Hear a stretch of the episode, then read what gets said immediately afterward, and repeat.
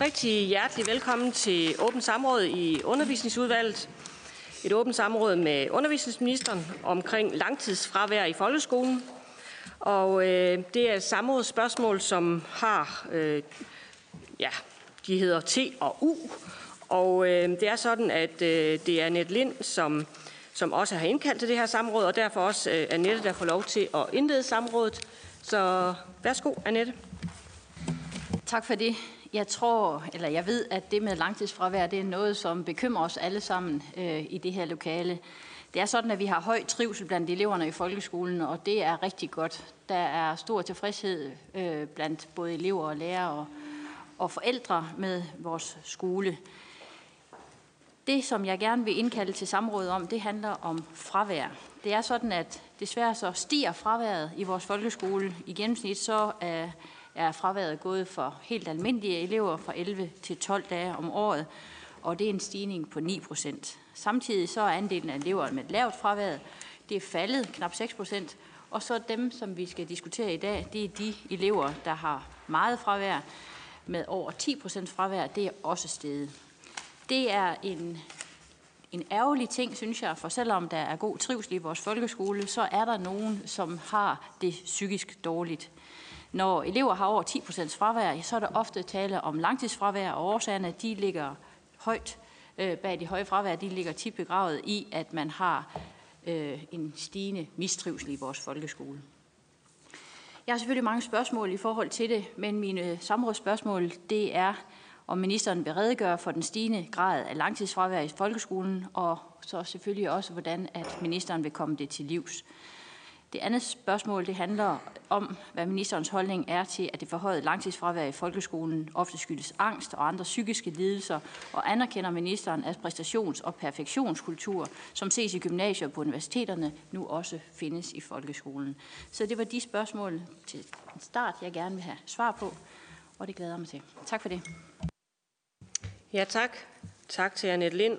Og øh, jeg glemte måske lige indledningsvis at sige, at øh, samrådet er sat til at vare maks en time.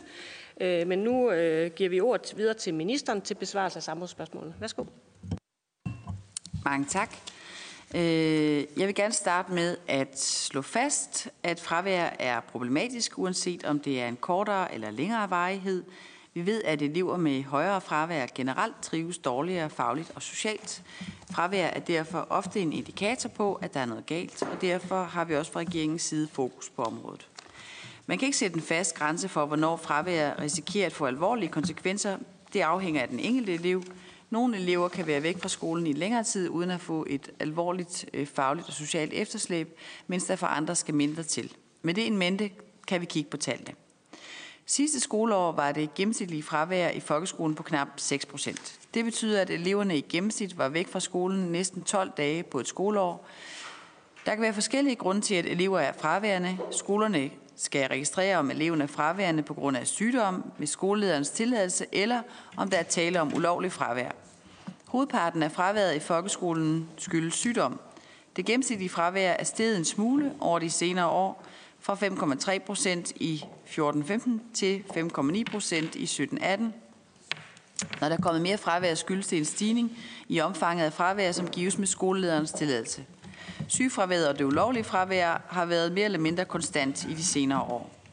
Over de senere år er der sket en lille stigning i andelen af elever, som samlet set er fraværende mellem 20 og 40 dage på et helt skoleår. Derudover er der også en mindre gruppe elever, ca. 3%, som har mere end 20% samlet fravær på et skoleår. Omfanget har været nogenlunde det samme i de senere år. Der er forskellige grunde til, at elever har meget fravær. I nogle tilfælde kan det skyldes forældresvigt. Andre gange stopper børn og unge med at komme i skole, fordi de rammes af, hvad man kan kalde skoleværing. Det præcise omfang af skoleværing kender vi ikke, men 60 procent af landets PPR-chefer vurderer, at omfanget af skoleværing har været stigende i de sidste par år. Det er bekymrende. Hvad vil regeringen gøre for at imødekomme problemer med fravær? Indsats mod fravær skal afspejle, at der er helt forskellige årsager til, at elever har meget fravær. Regeringen har i gang sat en række forskellige initiativer.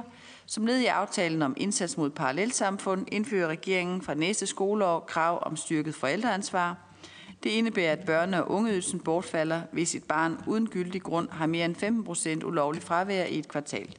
Initiativet er et tydeligt signal til forældre om, at de har et ansvar for, at deres børn møder i skole. Økonomiske sanktioner får ikke børn tilbage i skolen, hvis de har skolevering. Her må sættes ind med hjælp og en forebyggende indsats. Med satspuljeaftalen 2019 er der derfor afsat penge til, at PBR i højere grad skal tilbyde behandlingsforløb målrettet børn med psykiske vanskeligheder. Det skal blandt andet forebygge, øh, så børn i mistrivsel ikke udvikler øh, alvorlig angst, så de, kan, så de ikke kan passe deres skole.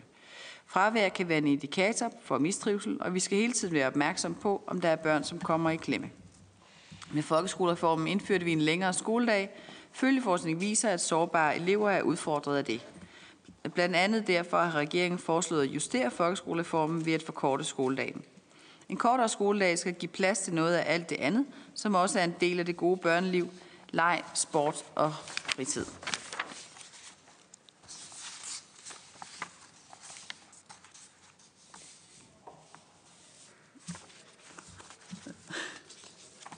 Ja. Indsatsen mod fravær handler også om øh, synlighed og øget opmærksomhed, der hvor der er problemer. Vi ved fra undersøgelser, at man i mange kommuner ikke har det fulde overblik over omfanget af fraværsproblemer. Regeringen og KL har derfor aftalt at samarbejde om bedre fraværsdata. Retvisende data er en forudsætning for en systematisk indsats. Det er vigtigt at huske, at indsatsen mod fravær også handler om ting, der er svært at lovgive om fra Christiansborg. Det kan handle om forældreansvar, det handler om det gode børneliv i bred forstand. Vi skal være på vagt over for perfekthedskulturen, og her skal vi passe på med at reducere det til et spørgsmål om test, prøver og karakterer. Prøver og karakterer har i øvrigt altid været en integreret del af det at gå i skole. Den første karakterskala blev indført i det danske uddannelsessystem med forordning af 11. maj 1775 om universitetseksamener. Og der blev brugt karakterer i grundskolen for 200 år siden i det, der hed Almueskolen. Det fremgår af bestemmelserne i skoleanordningen af 29. juli 1814, både for land og by. Hvis man læser i denne skoleanordning, kan man se, at der blev afholdt eksamener to gange om året, hvor eleverne offentligt skulle overhøres og gøre rede for, hvad de havde lært. Eleverne fik på denne baggrund karakterer for deres faglige standpunkt, flid og opførsel. Karaktererne afgjorde, hvilken rækkefølge børnene sad i i skolen, og spillede en stor rolle for, om eleverne kunne rykke op i næste klasse. Desuden får eleverne i folkeskolen først standpunktskarakterer fra 8. klassetrin, og problematikken om fravær handler jo om elever på alle klassetrin. Jeg er enig med formanden for Danske Skoleelever, som for nylig har udtalt, at det er en myte, at karakterer og test er det, som gør hele forskellen for øh, elevernes velbefindende. Problemet er ikke øh, en præstationskultur, men snarere en perfekthedskultur. Det indebærer, at børn og unge skal være perfekte i alle situationer og på alle parametre. Det gælder ikke kun om at få topkarakterer hver gang, men også om at fremstille sig selv godt på Instagram, have mange venner og gå i det rigtige tøj. Kravet om det perfekte efterlader lille rum til fejltrin og skuffelser. Jeg tror, at en del børn og unge knækker halsen i mødet med kravet om det perfekte. Derfor skal vi som forældre lære vores børn og unge at takle modgang og håndtere det uperfekte. Og vi skal også være forsigtige med at sidestille perfekthedskulturen med en præstationskultur – en præstationskultur handler om at kreditere dem, der gør det godt, og om at udfordre eleverne, så de bliver dygtigere. Det har vi ikke nogen nævneværdig grad i Danmark, når vi sammenligner med andre lande. Eleverne får karakterer og går til prøver og tests, og det er udmærket. Vi skal ikke skærme børn, men lære dem, at præstationer og vurderinger også er en del af livet. Tak for ordet. Tak til ministeren, og så har først Annette Lidt fra Socialdemokratiet bedt om ordet. Værsgo. Tak for det. Nu var det en masse kortlægning af, og ministeren sagde også, at det er svært at gøre noget fra øh, Christiansborg. Øh, jeg mener helt klart, at vi skal gøre noget fra Christiansborg. Det er sådan, at øh, jeg har nogle tal her. For eksempel er børnetelefonen i 1917 øh, eller 2017, der drejede knap hver fjerde opkald, svarende til 12.205 henvendelser til børnetelefonen om psykisk mistrivsel, som angst og ensomhed og selvmordstanker. Det er sådan, at antallet af unge under 18 år, de har, som har angst eller depression, er tre gange så højt, som det bare var for 10 år siden. Så der er en udvikling, øh, der sker i vores samfund, og, og uanset om man kalder det præstationskultur, eller perfekthedskultur, eller karakterræs, eller hvad man nu kalder det, så, så sker der noget for vores børn og unge. Så derfor er jeg meget interesseret i, øh, og vide, hvad det er, ministeren ønsker at gøre. Det er sådan, at øh, Børns Vilkår de har bedt om at få lavet en helhedsorientering indsats hos skoler, som skulle lavet i trivselsmålinger. Er det noget, som ministeren vil sætte i værk? Det synes jeg måske, der kunne være en rigtig god idé. Og så vil jeg egentlig gerne bare spørge, mener ministeren, at det er mindst lige så vigtigt at sørge for elevernes trivsel, som at modtage god undervisning? Tak for det. Tak til Annette Lind. Så er det Annie Mathisen fra Venstre. Værsgo. Ja, tak. Øh, jo, et spændende emne, øh, synes jeg, vi skal debattere her i dag i samrådet. Og, øh, jeg må i hvert fald sige, at nogle af de tal, øh, som er kommet frem de seneste år, øh, har også vagt bekymring hos mig i forhold til desværre, at, at flere og flere unge mennesker, kan man sige, får ondt i livet og føler sig presset og stresset og får angst osv. Og så kan vi jo selvfølgelig diskutere her på Christiansborg, hvad må der er årsagen. Øh, nogle af de ting, øh, som jeg selv også har gravet lidt ned i, det er jo blandt andet også øh, for eksempel påvirkningen øh, af de sociale medier og mængden af, af tid, som unge mennesker bruger på sociale medier, som også øh, har været stigende. Og der kunne jeg egentlig godt måske bare tænke mig at høre ministeren omkring, øh, var der nogle steder øh, på det område, altså også ind i for eksempel undervisningsregi, hvor, hvor der også kunne være brug for en, måske en form for Øh, ekstra vejledning. Altså jeg tænker ind i vejledning både i forhold til, til lærerne, men måske også vejledning til os forældre. Øh, det er i hvert fald noget af det, jeg tænker selv over en gang imellem, øh, når man omgås unge mennesker, at man jo også som mor er til står i en situation, hvor man tænker, øh, man har ikke så meget kendskab til det, de egentlig beskæftiger sig med, men, men kunne, der, kunne der på samme måde, som man jo har hørt også om sundhedsvejledning i forhold til, at det er vigtigt at spise øh, frugt og grønt og så videre. Kunne der også være behov for en form for vejledning også på det område i forhold til for eksempel forældrene? Tak for det. Så er det ministeren for svar. Værsgo.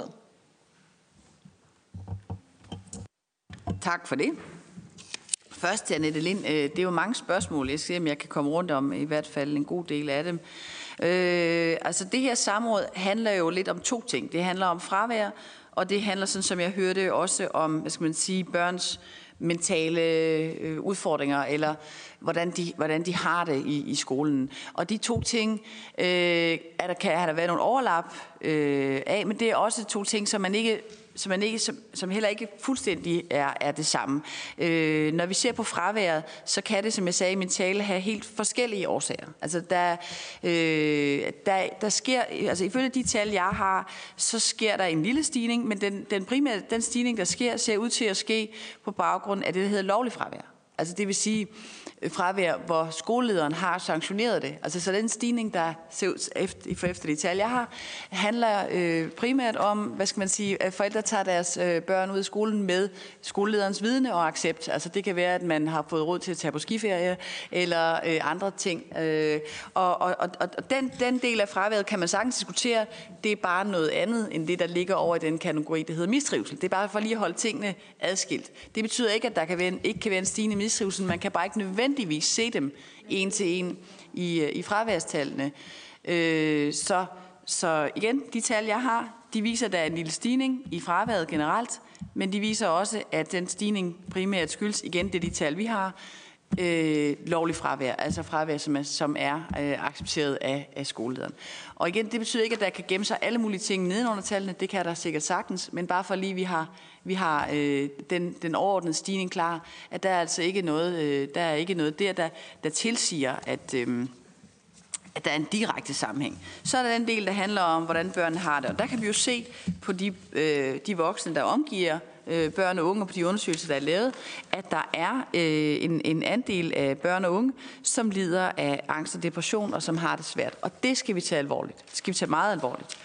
Øhm, øh, og, og nogle af de, der, der, de børn og unge, der har det svært, kan også godt være fraværende. Det er bare svært at se på de tal, vi har. Og, og igen for lige at lave den, den sådan faktuelle indflyvning, så er ministeriet i øjeblikket i gang med at lave en proces, hvor man skal finde ud af, hvordan man registrerer fravær. Fordi i dag registrerer man fravær forskelligt øh, rundt omkring i skoler og kommuner. Og, øh, og, og det vil være et rigtig væsentligt værktøj at have en en fælles beslutning om, hvordan man registrerer fravær, sådan at man har nogle bedre tal at, at arbejde med, så man kan se, hvad er det egentlig for nogle, øh, for nogle tal, vi kigger på, øh, og hvad er udsvinget. Det er jo det, vi har gjort på gymnasieområdet, besluttet, hvordan vi, hvordan vi faktisk registrerer fravær, og, og det er jo det, vi skal også til med, med folkeskolen finde ud af, øh, hvordan, hvordan registrerer vi faktisk fravær, fordi så ved vi mere om, hvad tallene egentlig siger. Nå. Øhm, så er der, øh, hvad skal man sige, øh, den udfordring, som, som børn og unge har med at, og med angst og, og mistrivsel. Og igen, den er, det er en meget alvorlig, og det er, en meget, det er også en meget stor diskussion, fordi årsagerne kan øh, være øh, mangfoldige. Jeg nævnte i min tale øh, PPR, som jo er øh, hvad skal man sige, den mulighed for at gribe børn, som er kommet i alvorlig mistrivsel. Det er en aftale under satspuljen, som øh, jeg tror de fleste partier er, er med i. Så, så der er jo taget et helt klart initiativ der til at gribe flere børn, øh, som, har det, øh, som har det svært. Øhm, men det betyder jo ikke, at vi ikke skal arbejde med det almindelige gode børneliv, fordi det tror jeg, vi skal i stedet for hele tiden også at kigge på, når det går galt, så skal vi også sørge for, at det at det almindelige børneliv fungerer. Fordi så er der færre børn, der havner i rødt felt, hvis det almindelige børneliv fungerer. Øh, og det er jo der, vi mener i, øh, i regeringen også, altså, at vi skal hele tiden sørge for, at der er en god balance i børnelivet mellem skole og fritid, at man også øh, har tid til foreningslivet, det at man har forskellige børnearenaer, man kan være i som barn og have Øh, altså at det kan tage noget af presset fra skolen, at man også skal til, øh, til fodbold, eller håndbold, eller badminton, eller skak, eller noget andet i sin fritid. Det er noget af det, der gør, at det, det polstrer børnelivet, sådan at, at mange børn oplever at være en del af flere forskellige fællesskaber. Hvis det så går lidt skævt over i, øh, i skolen eller derhjemme, så er der flere forskellige arenaer, man kan føle sig tryg i. Øh, og det mener vi er, er væsentligt. Og så skal der være nogle voksne til at gribe de børn, der, øh, der får det øh, rigtig svært. Anne Mathisen er inde på et vigtigt emne, øh, nemlig de sociale medier og stigen af brug af hvad skal man sige, digitale værktøjer. Øh, igen, meget af den forskning, der ligger på det område, er ny, men der er i hvert fald meget, der tyder på, at det kan føre til øget mistrivsel, øh, større øh, risiko for øh, depression, øh, ensomhed osv., hvis man øh, hele tiden er på de sociale medier og bliver meget grebet ind af den verden. Så det tror jeg bestemt, at, øh, at er rigtigt. Øh, og skal man give nogle anbefalinger, altså vi arbejder jo øh, i ministeriet på højtryk på at give nogle anbefalinger, i hvert fald til skolerne, sådan at man vender den tank, tænkning man om, hvad der har haft om, at, at det digitale altid er godt. Det digitale kan være fuldstændig fantastisk, hvis man bruger det rigtigt. Men, men det, er ikke, det er ikke fantastisk, at øh, alle børn og unge sidder og er på sociale medier i frikvartererne. Det er det ikke. Det er det godt, at de kigger op og er sammen og får skabt et fællesskab, fordi det er med til at sørge for, at de ikke bliver så udsat øh, i forhold til psykisk mistrivsel. Så det, øh, det er meget vigtigt. Og øh, altså, man kan jo anbefale alt muligt, men, men jeg har i hvert fald en bog liggende hjemme, der hedder Sluk på mit, øh, på mit natbord. Og der, der kommer flere og flere af den slags bøger, som siger noget om, at, øh, at hele det digitale univers er også noget, man ligesom alt muligt andet skal bruge med måde. Det er ligesom chokolade og øh, kage og alt muligt, at man, øh, man bliver også nødt til at regulere det. Øh, og det skal vi selvfølgelig hjælpe børn og unge med, fordi at det kan være afgørende for, øh, at de får øh, et godt og velfungerende børneliv. Tak for det. Så er der Annette Lind fra Socialdemokratiet. Værsgo. Tak for det. Jeg har også læst Sluk, men øh, han anbefaler jo lige præcis i bogen, at mobiltelefoner skal ud af soveværelset, så det er ikke rigtigt sted, du har det liggende i hvert fald. Nå, lad os lige tage det, øh, lad os nu tage det helt øh, om, hvad det er, vi har spurgt om. Fordi når ministeren hun taler om fravær øh, og lovligt fravær, så er det ikke på nogen måde det, vi spørger om. Vi spørger helt specifikt til de børn, som har det allersværest, som har et stigende grad af langtidsfravær. Det går begge spørgsmålene på, og det er dem, som jeg gerne vil have, at, at ministeren forholder sig til. Og så i forhold til registrering, øh, også bare lige for at få det på det rene, det er ministeren alene, der har lavet øh, fraværsbekendtgørelsen om registrering på gymnasiet. I Socialdemokratiet der går vi ikke særlig meget op i, hvordan man registrerer. Vi går op i, hvordan der bliver arbejdet med de her ting. Og derfor vil jeg selvfølgelig gerne også spørge ministeren om, kan du fortælle lidt mere konkret om, hvad der skal ske i øh, det forebyggende arbejde, der bliver lavet ved PPR, øh, som er i satspuljerne? Fordi jeg vil gerne høre helt konkret, hvad skal der ske? Er det en helhedsorientering, vi skal have ude på skolerne i forhold til de, der har mistrivsel? Eller er det, øh, hvad er det, der skal ske? Er det alene PPR, eller er det også skolernes arbejde? Tak for det. Så er det Marianne Hjelve fra Radikal Venstre. Værsgo. Ja, ja tak. tak for ministerens svar. Altså, det, det kan godt være, det jeg spørger om, det måske ligger på kanten af samrådet, men så må ministeren jo forholde sig til det og vente med at svare til en anden lejlighed. For jeg er inde på det samme spor, som Annette Lind lige kommer med, at det er de børn, som faktisk ikke registreres som fraværende.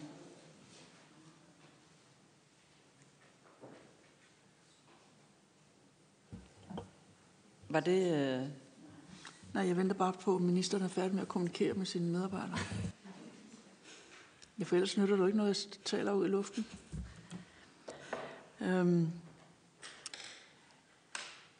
For nogle måneder siden havde jeg besøg af Børns Vilkår, medarbejdere fra Børns Vilkår, som kom med nogle øh, registreringer og nogle analyser af børn, som ikke registreres som fraværende i skolen, men som ikke går i skolen. Og det synes jeg er et øh, kæmpe problem. Og derfor vil jeg godt... Øh, det handler om dialog med kommunernes landsforening. Det handler om dialog med kommunens landsforening. Det er jo dem, der har ansvaret for, at alle børn, der bor i en kommune, kommer i den offentlige, får tilbud om at komme i den offentlige skole, og ellers skal de gå i en anden form for skole. Og der er altså børn, som faktisk har det rigtig dårligt, som ikke kommer i skole, som ikke har en skoleadgang, eller ikke har en skoleplads, hvis man kan kalde det det. Og jeg var, blev så provokeret af nogle af de eksempler, som Børns Vilkår kom med, at jeg bad om navnet på den kommune, hvor de refererede fra en, en historie, hvor der er et barn, som ikke gerne vil i skole, men som ikke kommer i skole, fordi kommunen har ikke en skoleplads til barnet. Man skulle ikke tro, det var Danmark der. Og så fik jeg navnet på kommunen, og det var fordi, jeg skulle høre, om det var en kommune, der lå sådan, at jeg kunne komme derhen og besøge dem. Og da jeg fik kommunenavnet, og det var så lidt, som ikke lå så langt fra, hvor jeg bor, så sagde jeg, sig til den mor, at hun skal gå ind til skolelederen og sige, at der skal være et plads til hendes barn. Ellers kommer en hjælpet ud og snakker med ham. Og så fik jeg kort tid efter med, meddeling fra Børns Vilkår, at det havde moren gjort. Og nu havde, var der en plads til barnet. Jeg siger bare, det her går jo ikke. Og det kan godt være, at det lyder sådan en anekdote, og ministeren skal heller ikke forholde sig til selve eksemplet her. Men sagde det, altså det, jeg synes, der er virkelig afgørende, det er, at vi får fat i en samarbejde med kommunerne, og det er jo ministerens anlæggende, så derfor er det en opfordring til ministeren. Samarbejde med kommunerne, med KL, altså via KL, om en regelsæt for, hvordan man registrerer børn, der er fraværende. Så vi har et billede af, hvad der sker. Og nu var den dreng, som jeg snakker om her, det var så en, der boede hjemme hos sine forældre, men vi har det fra anbragte børn, at det endnu værre. Og de får næsten ikke nogen skolegang, når de er anbragt på en institution. Og jeg, på en eller anden måde synes jeg også, at man er nødt til at se det som en slags fravær. At den skolegang, de får der, selvfølgelig er tilrettelagt efter de problemer, som de enkelte børn og unge mennesker har, men ikke desto mindre får de ikke tilstrækkelig undervisning. Så det er et opråb om i samarbejde med ministeren om at finde en løsning på de her to graverende forhold. Tak for det. Så er det Jakob Sølhøj fra Enhedslisten. Værsgo. Tak for det. Jeg tror, det er rigtigt, hvad ministeren siger. Der er mange forskellige årsager til, til langtidsfravær. Jeg vil godt tænke mig at fokusere på, på to ting. Det ene, det er muligheden for og øh, skabe den tilstrækkelige relation mellem øh, lærerne, lærere og børn. Altså, det er vel almindeligt anerkendt, at, øh, at hvis børn har øh, problemer med trivselen i, øh, i skolen, så er betydningen af at udvikle en tæt relation til, til, til de voksne her, her til lærerne har meget stor betydning for at fastholde eleverne. Øhm, vi har jo tit diskuteret spørgsmålet om øh, lærernes øh, tid til at løse de opgaver, de skal. Øh, er ministeren ikke enig i, at øh, der var noget, der kunne tyde på, at der er et behov for, at øh, lærerne får mere tid til at løse relationsopgaven, når man, når man kigger på, på de seneste tal over, hvordan har trivselsmålingerne udviklet sig, så kan man jo se, at de står fuldstændig bumstille. Øh, så udover øh, det generelle langtidsfravær, som, som vi diskuterer her, som vi selvfølgelig skal have fokus på, er der simpelthen ikke noget, der tyder på, at der er et relationelt problem øh, som det ene. Og som det andet kunne man, kunne man forestille sig, at man, man fik øh, på en eller anden måde dykket mere ned i øh, problemstillingen om, om børn, der har et særligt behov for det rette skoletilbud. Altså jeg kan huske, at i nogle af de undersøgelser, som, øh, som blandt andet Landsforeningen øh, Autisme har lavet, der viser det jo sig, at når man sammenligner børn, der er i et specialtilbud med børn, der går i de almindelige klasser, så er fraværet faktisk dobbelt så stort øh, fra de børn, der går i de almindelige klasser. Så, så det er den anden side, altså en anden side af sagen, det er, at, at mit indtryk er, at, at der simpelthen er for mange børn, der simpelthen får det gale tilbud. Altså et, der generelt kan mange tid, sådan så det er svært med relationsarbejde, og to, at, at vi har et problem med, at der simpelthen er for mange børn, der ikke får det rette tilbud. Øh, og det tror jeg også kan være noget af det, som, som Marianne Hjelved er inde på, at, at der kan være en tendens til, at der, hvor man ikke har fået givet det rigtige tilbud, der forsvinder, der forsvinder børnene væk i, øh, i, øh, i den kommunale registrering, og der dermed går et, et stort antal børn, som, som ikke har et skoletilbud, men, men hvor kommunerne, nogle kommuner, vi skal ikke generalisere her, men nogle kommuner simpelthen ikke får, får, får registreret problemet. Er det ikke noget, der kan dykkes ned i og, og undersøges nærmere, så vi kan handle på det? Tak for det. Sådan ministeren for svar. Værsgo. Mange tak. Øh, Annette Lind siger, at vi går ikke meget op i, øh, hvordan man registrerer.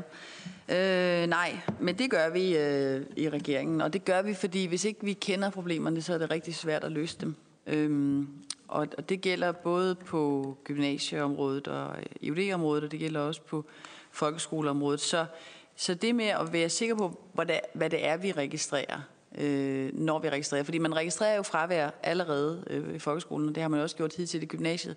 Men hvis man ikke har en, en fælles beslutning om, hvordan praksis ser ud, altså hvordan man gør det, så er det rigtig svært at vide, hvad tallene egentlig siger. Øh, og, og derfor så, så går vi ganske meget op i, øh, at vi beslutte os til, hvordan vi registrerer. Fordi så har vi simpelthen en valid viden, som vi kan bruge til at løse problemerne. Øhm, og, øh, og, og igen, der er mange forskellige årsager til, øh, til højt øh, fravær eller til fravær i det hele taget. Der er noget, der tyder på, at der er øh, en del, øh, at der er nogle af de børn, der er i den kategori med højt fravær, som har migrantbaggrund. Det er også noget af det, vi skal dykke mere ned i.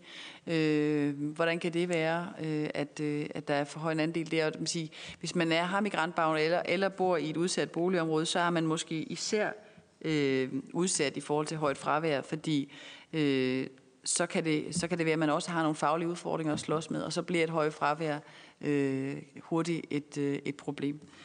Marianne Hjelved og Jakob Sølhøj er inde på noget utrolig væsentligt, nemlig det hul, der er i vores øh, sikkerhedsnet, vil jeg sige, i velfærdsstaten.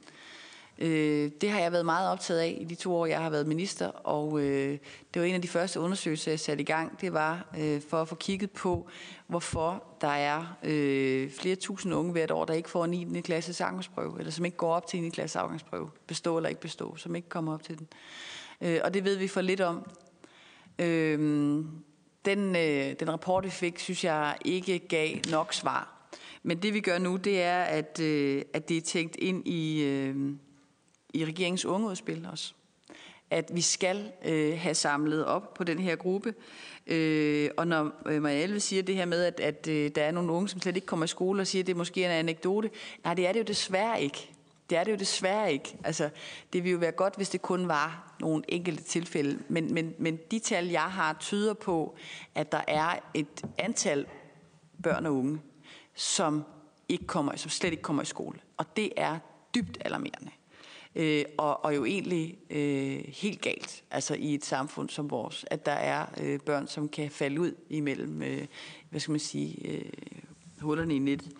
Så, øh, så det har vi i den grad sat, øh, sat øh, ind i vores øh, unge dagsorden, at, øh, at vi skal, blive, vi skal vide mere om dem, der ikke får 9. klasses angstprøve. Og i min optik, så bør det jo være sådan, at alle øh, børn og unge øh, altså, øh, tager 9. klasses afgangsprøve, så kan det jo godt være, at det er med forskellige hvad skal man sige, øh, succes, men, men, men at der er nogen, der ikke kommer op til 9. 9. klasses afgangsprøve, sådan bør det jo ikke være, og der bør i hvert fald ikke være nogen stor gruppe, som ikke gør det. Så skal vi jo hjælpe dem med at komme derhen. Øh, så de børn, der slet ikke kommer i skole, også dem, der er de anbragte børn, har i den grad også min opmærksomhed, fordi det er jo nogle af de allermest udsatte børn, vi har overhovedet i vores samfund. Øh, og der skal vi simpelthen bo os meget mere systematisk ned i den dagsorden, fordi vi kan ikke have, at børn, der er anbragt, ikke har en, øh, en, en struktureret skolegang, for det er nogle af de børn, der har aller, aller, aller mest behov for den i vores, øh, i vores samfund. Så, øh, så, så tak til formanden Hjelved og, og til øh, Jakob Sølhøj for at betone præcis det. Jeg er fuldstændig enig, at, øh, at det er øh, altså de allermest udsatte børn, og dem skal vi have større fokus på øh, i den tid, der kommer. Øh, og, og Jakob Sølhøj siger noget om, øh, om tid og så videre. Det, vi har lige lavet en, en rapport øh, omkring pædagoger og lærer samarbejde, og man kan sige mange, tang, mange ting om det her med, med nærvær øh, i, øh, i skolen, men i hvert fald så er det vigtigt, at der er et, et godt samarbejde mellem de forskellige faggrupper i skolen, hvis man skal, hvis man skal have det her nærvær over for, for børnene, og det er noget, den, øh, den seneste rapport viser, øh, hvor vigtigt det er. Tak til ministeren. Så er det Karoline Magdalene Meyer fra Alternativet. Værsgo. Tak. Så vil jeg straks følge op i forhold til det med tiden, fordi jeg synes egentlig, øh, synes ikke, at, øh, at øh, Jakob Sølhøj fik helt svar på det, der egentlig var spørgsmålet, som jeg nemlig også sad med. Og det handler jo konkret om, at lærerne har jo fået væsentligt flere undervisningstimer med L409. Altså de steg jo 20 procent i undervisningstimer fra, fra 14 til 15. Øh, 121 timer om året, tror jeg, at de underviste mere på et år.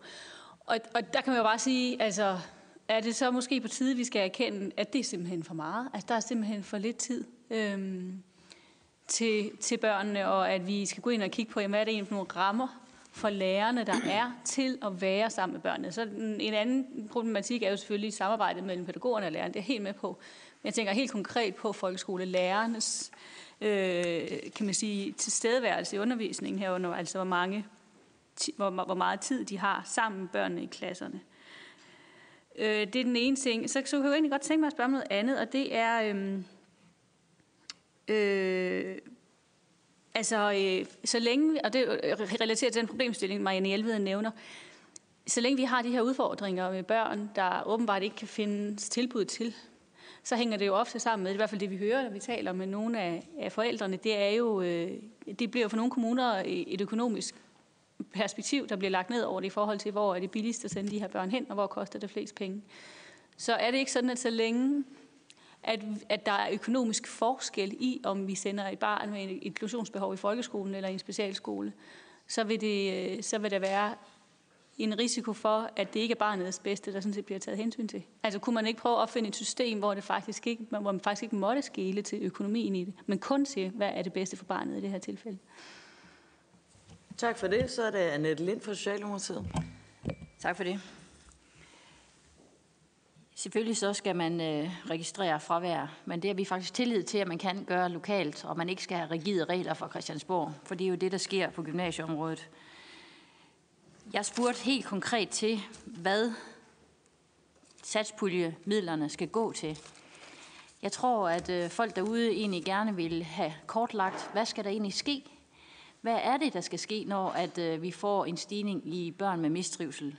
Så kan ministeren ikke fortælle os, hvad det hjælper forebyggende indsats, som PPR skal udføre øh, med satspuljerne i 19, hvad de indebærer, og så øh, jeg holder det til det spørgsmål, så jeg forhåbentlig kan få et svar denne gang.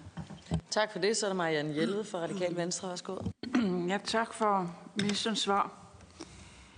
Øhm, jeg mangler lige at få svar på et, et af spørgsmålene, som er stillet, nemlig om ministeren og ministeriet er i samarbejde med KL om at prøve at lave et fælles registreringssystem, så at alle børn bliver registreret for fravær, hvis de er fraværende. For det sker ikke i dag. Der er altså rigtig mange kommuner, som ikke gør det der rigtigt, og som ikke, hvor ledelsen, tror jeg det er, det kan jeg jo ikke vide. Men jeg synes, det er nærliggende at tro det i hvert fald, at ledelsen ikke har givet besked om, hvordan lærerne skal registrere det fravær, som er der, og ikke lukker øjnene for, at der er nogen, der ikke er der, fordi de bare ikke er der. Og de kommer heller ikke i morgen, eller næste måned, eller næste måned igen. De render rundt på gaden og laver skarnstreger, nogle af dem.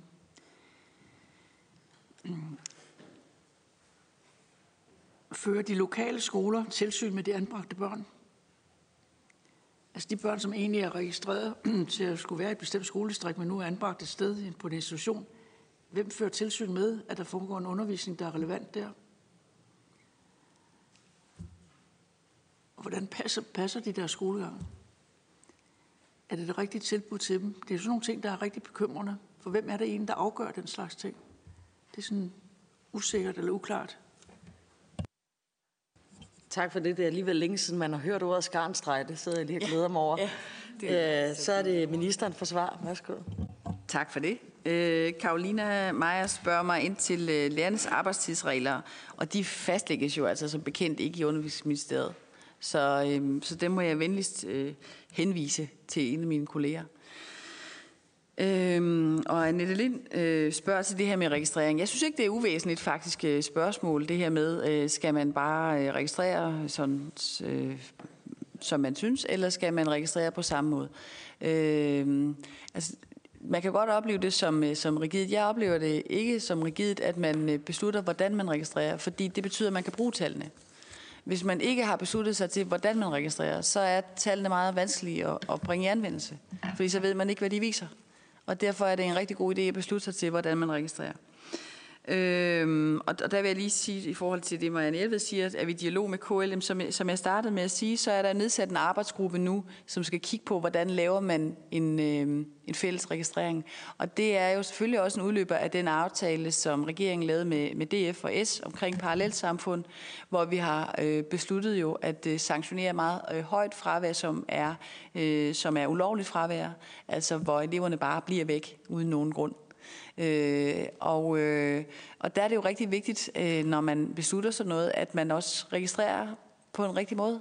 Øh, at man beslutter sig til, hvordan man registrerer. Så det er det arbejde, der, der pågår nu jo og frem mod sommeren, at man skal øh, beslutte sig til, øh, hvordan, øh, hvordan er det så, vi gør, så vi har nogle øh, ordentlige tal og, øh, og administrere den aftale øh, fra, som, øh, som både DF og S øh, er en del af. Men øh, Øh, hvad hedder det? Annette Lind øh, siger også, men med satspuljen kan jeg, kan jeg komme lidt længere øh, ind i, øh, i den. Øh, jamen altså, der, der er øh, jo afsat penge til, at PBR i højere grad skal tilbyde behandlingsforløb målrettet børn med psykiske vanskeligheder. Øh, og det skal blandt andet forebygge, øh, så børn i mistrivsel ikke udvikler alvorlige angst, så de kan passe deres øh, skole. Og, øh, og det er klart, at der pågår et arbejde med øh, at pra- altså praksis gøre det, øh, og sørge for, at det bliver øh, til virkelighed. Øh, når man laver en aftale, så, øh, så er øh, hele forløbet ikke øh, tænkt igennem hele vejen igennem, og det, det er jo, der skal sidde nogle fagfolk og finde ud af, hvordan, hvordan gør vi så det bedst? Og det er jo det arbejde, øh, man skal i gang med nu. Og jeg har ikke noget mod at, at sende et papir over, som siger noget om, hvad der er aftalt. Øh, det kan vi sagtens gøre. Ingen problem. Og så kan vi øh, diskutere ud fra det. Men det er, jo, øh, det er jo en styrkelse af PPR, som jo handler om at gribe nogle af de børn, som kan være på vej ud over kanten øh, og havne i al- alvorlig mistrivsel, og få dem kan sige, tilbage på benene igen. For det vi jo ikke er interesseret i, det er, øh, at, at for mange børn bliver hængende, altså og bliver ved med at have det svært. Så, så vi skal på en eller anden måde have skabt et springbræt, som gør, at dem, der er på vej øh, ud i alvorlig mistrivsel, kan blive grebet og komme, øh, komme tilbage på, øh, på benene. Ja. Tak til ministeren. Så er der Nette Lind fra Socialdemokratiet. Værsgo. Tak for det. Øhm, det er rigtig fint, at vi har i fællesskab aftalt noget på satspuljerne. Men det her det er et større problem, end det bare kan være aftalt på satspuljerne. Det her, det mener jeg, at der er noget, som der skal noget langt mere diskussion om. Der skal være langt mere fokus på det. Ensomhed og stress og mistrivsel, det er rigtig meget tabubelagt. Der er mange unge mennesker, som har ensomhed, som ikke øh, fortæller det til nogen. Det er rigtig svært for børn også at tale åbent om det, og, øh, og derfor så kan det være skjult for både lærere og forældre. Og ministeren sagde jo også, at der skal være et forældreansvar. Det er jeg jo fuldstændig enig i, men mange gange så er det noget, som børn går med øh, inden i sig selv, og man forsøger at skjule det. Så derfor øh, synes jeg sådan set, at øh, det er en god idé at få lavet en helhedsorienteret indsats, som Børns Vilkår de anbefaler. Er det noget, som ministeren vil sætte i værk? Tak for det. Så er det Marianne Hjelved fra Radikal. Ja. Det er bare et spørgsmål øh, tilbage her omkring ghettoarbejdet. Det er fint, at der sker en registrering i, i det samarbejde, der foregår der. Men bliver den registrering til noget, der går over hele landet? Altså ud over ghettoplanen eller ghettoarbejdet? Jeg kan også stille det skriftligt efterfølgende. Det tror jeg, jeg gør under alle omstændigheder. Så er det Karoline Magdalene Meyer fra Alternativet. Værsgo. Yes, tak for det. Lige vende tilbage til tidsspørgsmålet. Nu skal jeg nok være med at spørge mere ind til øh, lærernes arbejdstidsaftale. Men øh, en anden, et andet tidsaspekt er jo selvfølgelig, øhm, hvor mange elever der er i klasserne i forhold til, til lærerkapaciteten, kan man sige. Og Danmarks Lærerforening anbefaler et loft på 24.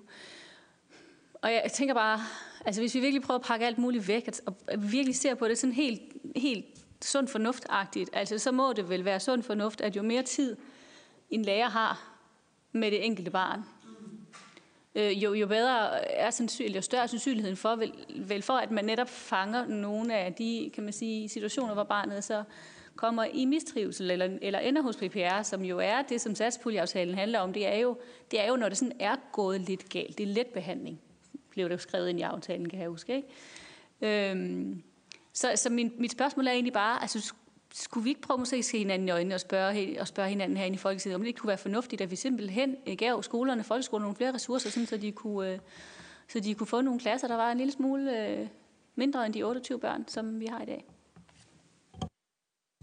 Tak for det, og så er det ministeren for svar. Værsgo. Mange tak. Øh, vi kommer ud i mange forskellige dele af den her debat, og det er også helt okay, fordi det er også en, en debat, som er meget mangfoldig. Øh, og Annette Lind siger det her med, at det er, det er et større øh, problem. Jamen det er rigtigt. Altså, det, det gode børneliv er jo mangfoldigt der består af mange forskellige øh, ting. Øh, og det er også rigtigt, at der er nogle børn, der føler sig øh, ensomme. Øh, Børns Vilkår har lavet en, en, en fin undersøgelse, som jo peger på, øh, hvis jeg ikke husker helt forkert, at børnene i første omgang siger, ligesom, der er noget galt med skolen. Når man så spørger dem ind til, hvad kunne du tænke dig, hvad vil få dig til at få det bedre, så peger de på relationer så peger de på relationer, så peger de på, øh, altså, hvad skal man sige, deres relationer til deres familie og deres venner, som værende det, der kan gøre, at de får det bedre. Så, så det handler jo om nærhed, det handler om, øh, om at være en del af et fællesskab, det handler om at have venner, det handler om at have en familie, som, øh, som prioriterer en, snakker med en.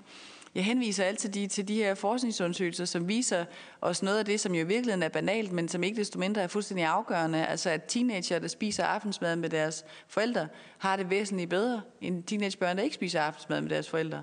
Og små børn, der spiser morgenmad med deres forældre, har det bedre end små børn, der ikke spiser morgenmad med deres forældre. Så, så det, at vi har nogle pauser, hvor vi bare er sammen og, og, øh, og er i en eller anden øh, relation og et fællesskab, det er jo det, vi skal sørge for at værne om øh, i vores samfund med alt det, vi nu ellers skal og gøre og vil og så videre. Også som forældre, fordi øh, at mange, øh, mange af os forældre bruger også mange, mange timer på de sociale medier, som Annie Mathisen jo var inde på. Og, og der, der bliver vi jo også nødt til at gribe i egen barn. Det handler ikke kun om, om, om børnene sidder på, øh, på de sociale medier, det handler også om, om vi selv gør. Fordi hvis vi selv gør det, mens vi spiser aftensmad, eller mens vi spiser morgenmad, eller, når vi nu skulle forestille at tale med vores børn, så er der en risiko for, at de ikke bliver tanket op med, med kærlighed og nærhed og alt det, de har behov for.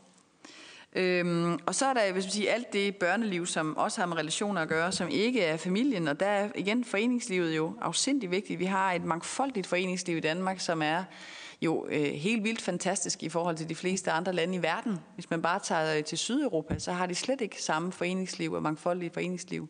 Og det skal vi jo værne om, at der er en vekselvirkning mellem en velfungerende skole og et velfungerende foreningsliv. Øh, og så når man er i skolen, der skal der jo også være tryghed. Det er jo derfor, en tidligere minister, øh, Ellen Tran Nørby, lavede en stor indsats for øh, imod øh, mobning. Øh, fordi mobning er noget af det, der kan, øh, kan ødelægge børnefællesskabet Øh, og få det til at gå helt i skud og moder. Ikke?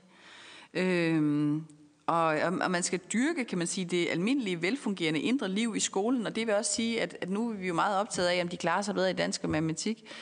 Men, men det er altså også vigtigt, at de, at de er sammen og, øh, og har det godt med hinanden, og det er en af grundene til, at vi i regeringen har lavet en, øh, en satsning omkring det her med kendt dit land, som jo øh, som handler om at blive klogere på sit land og få viden om naturen og historien og så videre, men som jo også handler om at være sammen om noget og tage på udflugt øh, og være øh, at få et godt grin, altså og have et godt børnefællesskab. Og vi har afsat øh, et, et betragteligt beløb, jeg tror det er 70 millioner på finansloven til kendt dit land. Og det handler om faglighed og dannelse, men det handler også om, om, om, om fællesskab og mening. Og det at se sig selv som en del af både det lille og det store øh, fællesskab. Marianne Hjelved spørger til, øh, om, om de her retningslinjer, de kommer til at dække hele landet. Ja, det gør de, fordi reglerne gælder hele landet. Altså den aftale, vi har lavet med DF og, øh, og S, den gælder jo hele landet på det her område. Altså det, der handler om registrering af fravær og, og øh, og sanktionering af, af, af forældrene ved, ved højt ubegrundet fravær. Altså ikke fravær i forbindelse med sygdom, men fravær, hvor, som, er, øh, som ikke er begrundet. Ikke? Og, øhm, og til det skal selvfølgelig gælde hele landet. Det er klart. Øhm, og Karolina taler om, øh, om tid, og igen må jeg sige, det er jo ikke øh, mit felt, øh, men jeg kan dog sige øh, helt overordnet, så er det jo sådan, at, at lærerne har jo ikke fået mindre tid sammen med børnene. De har jo meget tid sammen med eleverne i skolen nu, fordi de simpelthen øh, gennemsnitligt har flere undervisningstimer. Øh, så, så det har de jo. Og igen, det, det er en lang diskussion omkring ressourcer i folkeskolen, men, men samlet set så har de ressourcer, som kommunerne har afsat til folkeskolen, været relativt konstante i en årrække, og faktisk ikke ændret sig så meget. Øh, så har vi fået en, en længere skoledag, men, men, men selve den grundressource, der er afsat til folkeskolen, har ikke øh, har ikke ændret sig betragteligt øh, hen over årene. Tak til ministeren, og så er der ikke flere, der har bedt om ordet. Derfor skal jeg spørge, om Annette Lind ønsker ordet igen. Det kunne jeg se. Yes, værsgo til Annette Lind fra Socialdemokratiet. Værsgo. Altså, jeg vil gerne have et spørgsmål til. Kan vi nå det inden? Ja. Nå, jeg troede, jeg havde meldt mig. Øhm, ja, når jeg er indkaldt til det her samråd, så er det for, at jeg gerne vil have, at vi får fokus på, at øh, der er flere og flere elever, der bliver langtidssyge. Der er ikke noget med at give nogen skyld, eller at det er skolens øh, evne til at ikke at løfte det her, fordi det her det er også et samfundsproblem. Jeg vil rigtig, rigtig gerne, at vi får øh, sat nogle konkrete ting i værk, øh, fordi det er det, der skal til. Øh, vi taler alle sammen om, at der er et problem, og vi kan alle sammen se det her problem, men der bliver ligesom ikke bare ikke nogen løsningsmuligheder i forhold til det. Og mit sidste spørgsmål, det gik meget på det her med, at øh, man har tabubelagt det, og mange tør ikke rigtigt at, og ligesom at få øh, taget hul på og fortælle om, hvad det er, at man har brug for. Så jeg vil gerne spørge ministeren, om hun har i sinde at åbne op for, om den mistrivsel, der eskalerer, den øh, ligesom øh, kan få nogle bedre forhold, så vi kan gøre det sådan, både i skoleregi, men også øh, for ungdoms øh, for, for, hvad hedder det, for elever på ungdomsuddannelserne, at de ligesom har bedre mulighed for at, at komme til et sted, eller, eller have nogle muligheder for netop at kunne få løsnet op for det, sådan at øh, det ikke bare handler om skam og skyld. Tak. Så er det ministeren for svaret. Er det til svar eller til afrunding? Det bestemmer ministeren selv, men det sidste gang, ministeren får ord. Sådan okay. sige det. Med mindre okay. der er flere, der begynder at melde sig. Men, okay. Fordi der er faktisk tid i overskud, men vi er ved at være igennem. Ja, okay. Værsgo. Det er fint. Tak. Så jeg regner med, at det bliver en, en afrunding. Så. Og så vil jeg til at sige tak for samrådet om et meget vigtigt øh, emne øh, som handler om det gode børneliv og trivsel og, øh, og den risiko, der er for både børn og, og unge og voksne i forhold til at rydde over kanten og, og ende i, i ensomhed og, og angst. Øh, og det er øh, især for børn, kan man sige, jo en, en, øh, en, en situation, som vi ikke som voksne bare kan stå og, og se på, og derfor så skal vi øh, handle, og det gør vi også. Øh, og ordføreren fra Socialdemokratiet øh, beder om øh, helt konkrete tiltag, og jeg kan nævne mange forskellige tiltag, men øh, nu vil jeg bare lige opsummere nogle af dem, jeg, jeg har nævnt, som er helt konkrete. Altså i forhold til, hvad skal man sige, det ubegrundede øh, fravær, altså det, som ikke handler om, øh, om sygdom, men som mere måske kan handle om, at, øh, at der er en, øh, et, et forældresvigt eller nogle børn, som der ikke bliver taget hånd om. Øh, jamen der har vi jo sammen aftalt i Parallelsamfundsparken øh, at følge op på elever, som kommer helt op på 15 procent uprogrammet fravær. Så der har vi jo sammen aftalt en indsats der. Så er der hele PPR-indsatsen, den har vi også aftalt sammen. Øh, og den, er, øh, den forventer jeg mig meget af i forhold til de børn, som kan være i stigende mistrivsel. Øh, og igen vil jeg huske på, at det er afsindigt vigtigt, at vi ikke, at vi ikke sygeliggør børn, som måske bare har det svært i en periode. Det er enormt vigtigt at få dem samlet op og få dem hentet ind igen, så de ikke havner i et længere øh, forløb af, af mistrivsel. Øh, Øh, og igen, så er der det gode børneliv. Jeg tror meget på det her med, at vi ikke kun skal symptombehandle. Vi skal sørge for, at det gode børneliv i sig selv fungerer godt. Fordi det er det, der betyder, at der er færre, der kommer tæt på kanten. Og det er derfor, jeg nævner sådan nogle ting som kendt dit land. Fordi jeg tror, at vi i en periode har haft så meget fokus på metoder og øh, og dansk og matematik, så vi måske har glemt nogle af de ting, som gør skolen til et velfungerende fællesskab.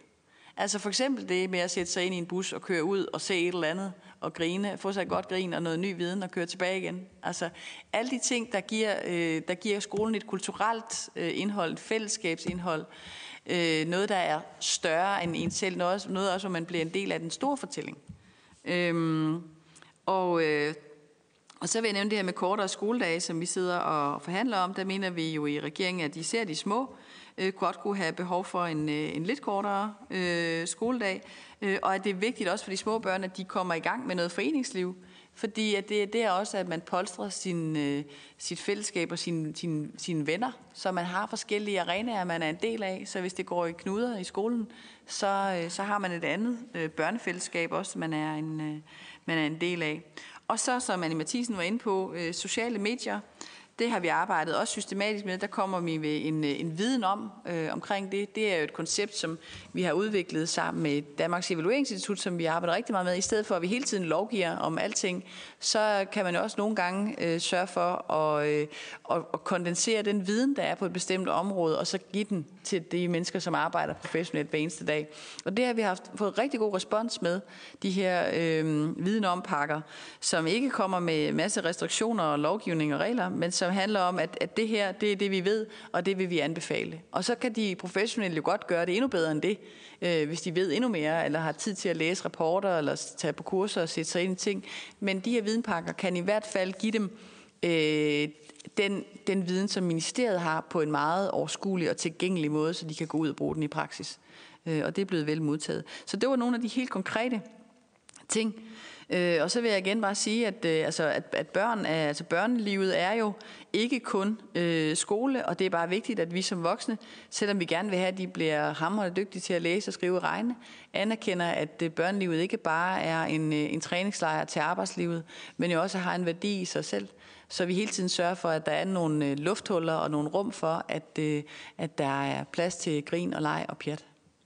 Det tror jeg på, at, øh, at det er medvirkende til at give bedre mental trivsel. Tak. Til ministeren for det. Øh, og tak for tiden her samrådet. Der er ikke mere at gøre, hvad angår det her samråd, så ministeren skal tak for at bruge sin tid med udvalg.